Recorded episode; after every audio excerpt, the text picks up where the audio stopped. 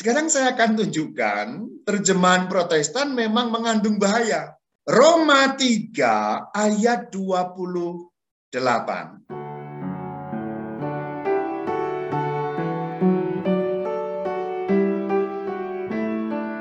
Karena kami yakin bahwa manusia dibenarkan karena iman dan bukan karena ia melakukan hukum Taurat. Nah, ternyata apa yang terjadi saudara-saudari?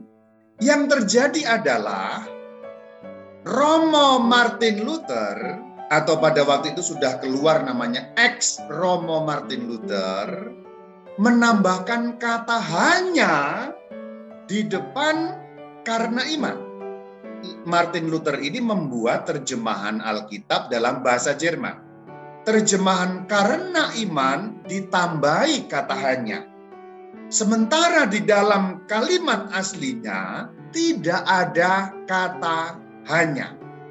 Maka kemudian ketika terjemahan bahasa Jerman itu dibaca orang, bunyinya menjadi seperti ini karena kami yakin bahwa manusia dibenarkan hanya karena iman dan, dan bukan karena Oke, ia seterusnya. Kita yang paling penting dari kata manusia itu. Di dalam teks asli, teks asli Alkitab bunyinya apa? Manusia dibenarkan karena iman. Tetapi Luther menerjemahkan manusia dibenarkan hanya karena iman. Karena penambahan kata hanya berarti satu-satunya kan. Hmm. Hanya itu berarti satu-satunya. Maka menjadi berbeda. Kenapa Luther menambahkan hanya karena iman? Karena supaya cocok dengan ajarannya. Luther kan mengajarkan sola sola sola sola itu. Sola sola sola itu bahasa Latin solus artinya hanya satu-satunya. Salah satu yang diajarkan oleh Martin Luther adalah sola fide. Sola fides. Hanya iman. Perbuatan tidak penting. Kan begitu, kira-kira begitu. Berarti Roma 3.28 dalam Alkitab terjemahan Luther cocok dengan ajaran Luther. Tapi apakah itu terjemahan yang jujur?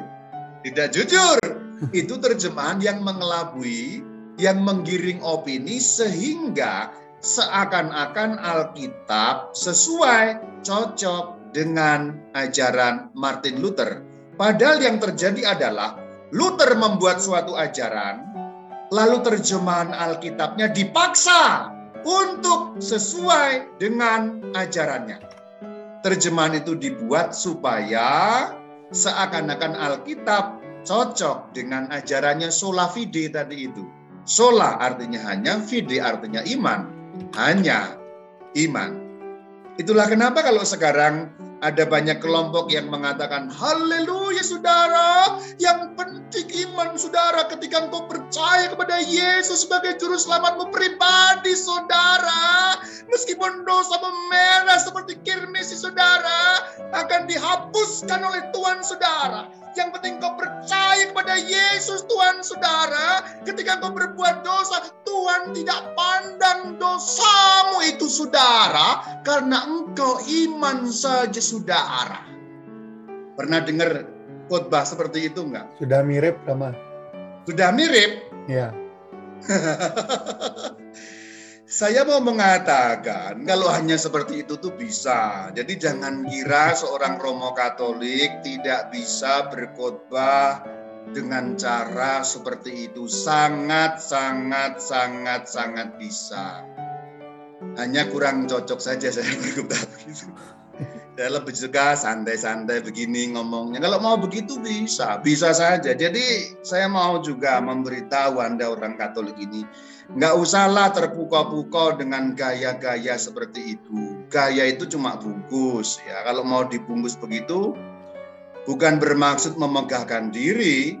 Aku juga bisa, gitu bisa. Kalau cuma jualan seperti itu tujuannya bisa. Maka nggak usahlah apa terpesona dengan gaya-gaya yang seperti itu tidak usah. Karena kita lihat esensinya, kita lihat ajarannya benar apa enggak. Kembali ke sini. Jadi embahnya Protestan sudah tidak jujur ketika menambahkan kata hanya dalam terjemahan Alkitab. Sekarang Anda lihat konteksnya enggak? Kenapa gereja Katolik sampai melarang orang Katolik membaca terjemahan-terjemahan tadi itu? Karena nanti bisa kacau. Coba Anda bayangkan seorang Katolik pada zaman itu. Dia membaca terjemahan bahasa Jerman. Ayo kita bayangkan sekarang, kita kembali ke ratusan tahun yang lalu. Jangan zaman sekarang ya, tapi kita bayangkan ratusan tahun yang lalu ketika seorang Katolik kemudian dia menemukan Alkitab bahasa Jerman, kemudian dia membaca Roma 3:28. Manusia dibenarkan hanya karena iman. Kira-kira apa yang terjadi, Vin? Uh, ya jadinya dia jadi berpendapat kalau perbuatan nggak penting, Rama. Berarti dia akan cenderung setuju kepada ajaran Luther. Dia akan menolak ajaran gereja Katolik apa enggak kira-kira? Iya, jadinya. Ya. Konsekuensinya jadi begitu, Rama. Iya, dengan membaca terjemahan yang sudah dipelintir tadi, kemudian orang itu akan berpikir, lo kalau demikian ternyata Katolik salah, Luther yang benar. Karena di Alkitab ditulis begitu, padahal ternyata Ya, karena di Alkitab terjemahan yang dia baca tertulis demikian. Jadi persoalan pada zaman itu, persoalannya pelik sekali saudara-saudari. Terjemahan Martin Luther itu membahayakan karena konteks yang demikian. Jadi ini saya buka saja, bukan menjelekan orang Protestan karena sudah saya saya ulangi lagi. Martin Luther itu Katolik Romo, ex Romo. Jadi saya sedang ngomongin sesama Romo yang kemudian dia keluar.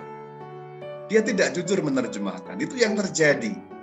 Maka kalau Anda sekarang orang Katolik mungkin Anda punya pernah punya prasangka negatif kepada gereja Katolik, dengan saya memaparkan fakta sejarah ini, engkau perlu menghapuskan pikiran negatif kepada gereja Katolik. Payah ya, kenapa gereja Katolik melarang membaca Alkitab ya? Lihat, ada konteksnya, ada sejarahnya, di mana sebuah terjemahan orang membaca Alkitab menjadi berbahaya, kehilangan iman. Apa yang harus dilakukan kalau begitu? Ya dilarang dong. Tapi apakah mutlak dilarang? Tidak, tadi sudah dijelaskan ya. Boleh, tetapi harus mendapat izin Roma dan diberi keterangan oleh teolog-teolog. Supaya orang kemudian tidak jatuh kepada yang dinamakan ya kesesatan atau menganggap ajaran Katolik malah salah. Nah itu yang terjadi. Ini konteksnya ketika kita sudah tahu sejarahnya, melihat konteksnya, kita buka sedikit saja. Ini nggak terlalu banyak sebenarnya, ini hanya saya buka sedikit. Kita melihat bagaimana pada waktu itu gereja Katolik berjuang untuk menyelamatkan iman umatnya. Bagaimana pelarangan itu justru membuat iman umat bisa selamat gitu. Karena pelarangan itu bukan tanpa konteks, tapi ada konteksnya. Maka kita sudah lihat terjemahan Protestan memang berbahaya. Pada waktu itu ya, terjemahan Protestan memang berbahaya. Itulah kenapa gereja melarang. Maka tahun 1897 Sri Paus Leo ke-13 menetapkan hanya terjemahan Katolik yang boleh dipakai itu pun harus diberi catatan penjelas. Sekali lagi ini masih konteks panjang tadi itu. Tapi kemudian tahun 65 situasi sangat berbeda. Di dalam Konsili Vatikan kedua yang kemudian mengeluarkan salah satu dokumen yang namanya Dei Verbum, itu gereja mengatakan bagi kaum beriman Kristiani, maksudnya orang Katolik, jalan menuju kitab suci harus terbuka lebar. Konteks Protestan yang tadi itu kan sudah ratusan tahun ke belakang lagi pula perdebatan atau boleh dikatakan polemik-polemik pada tingkat para ahli, pada tingkat pemimpin sudah sangat berkurang. Ya di akar rumput orang masih berdebat ya. Orang Katolik dan orang Protestan di Facebook, di di mana-mana kalau secara akar rumput masih berdebat, tetapi di kalangan petinggi-petinggi sudah sangat jauh berkurang mengenai hal seperti itu. Polemik-polemik yang terjadi sudah jauh berkurang. Maka gereja menerjemahkan Alkitab, mendorong terjemahan dan lain sebagainya dan lain sebagainya.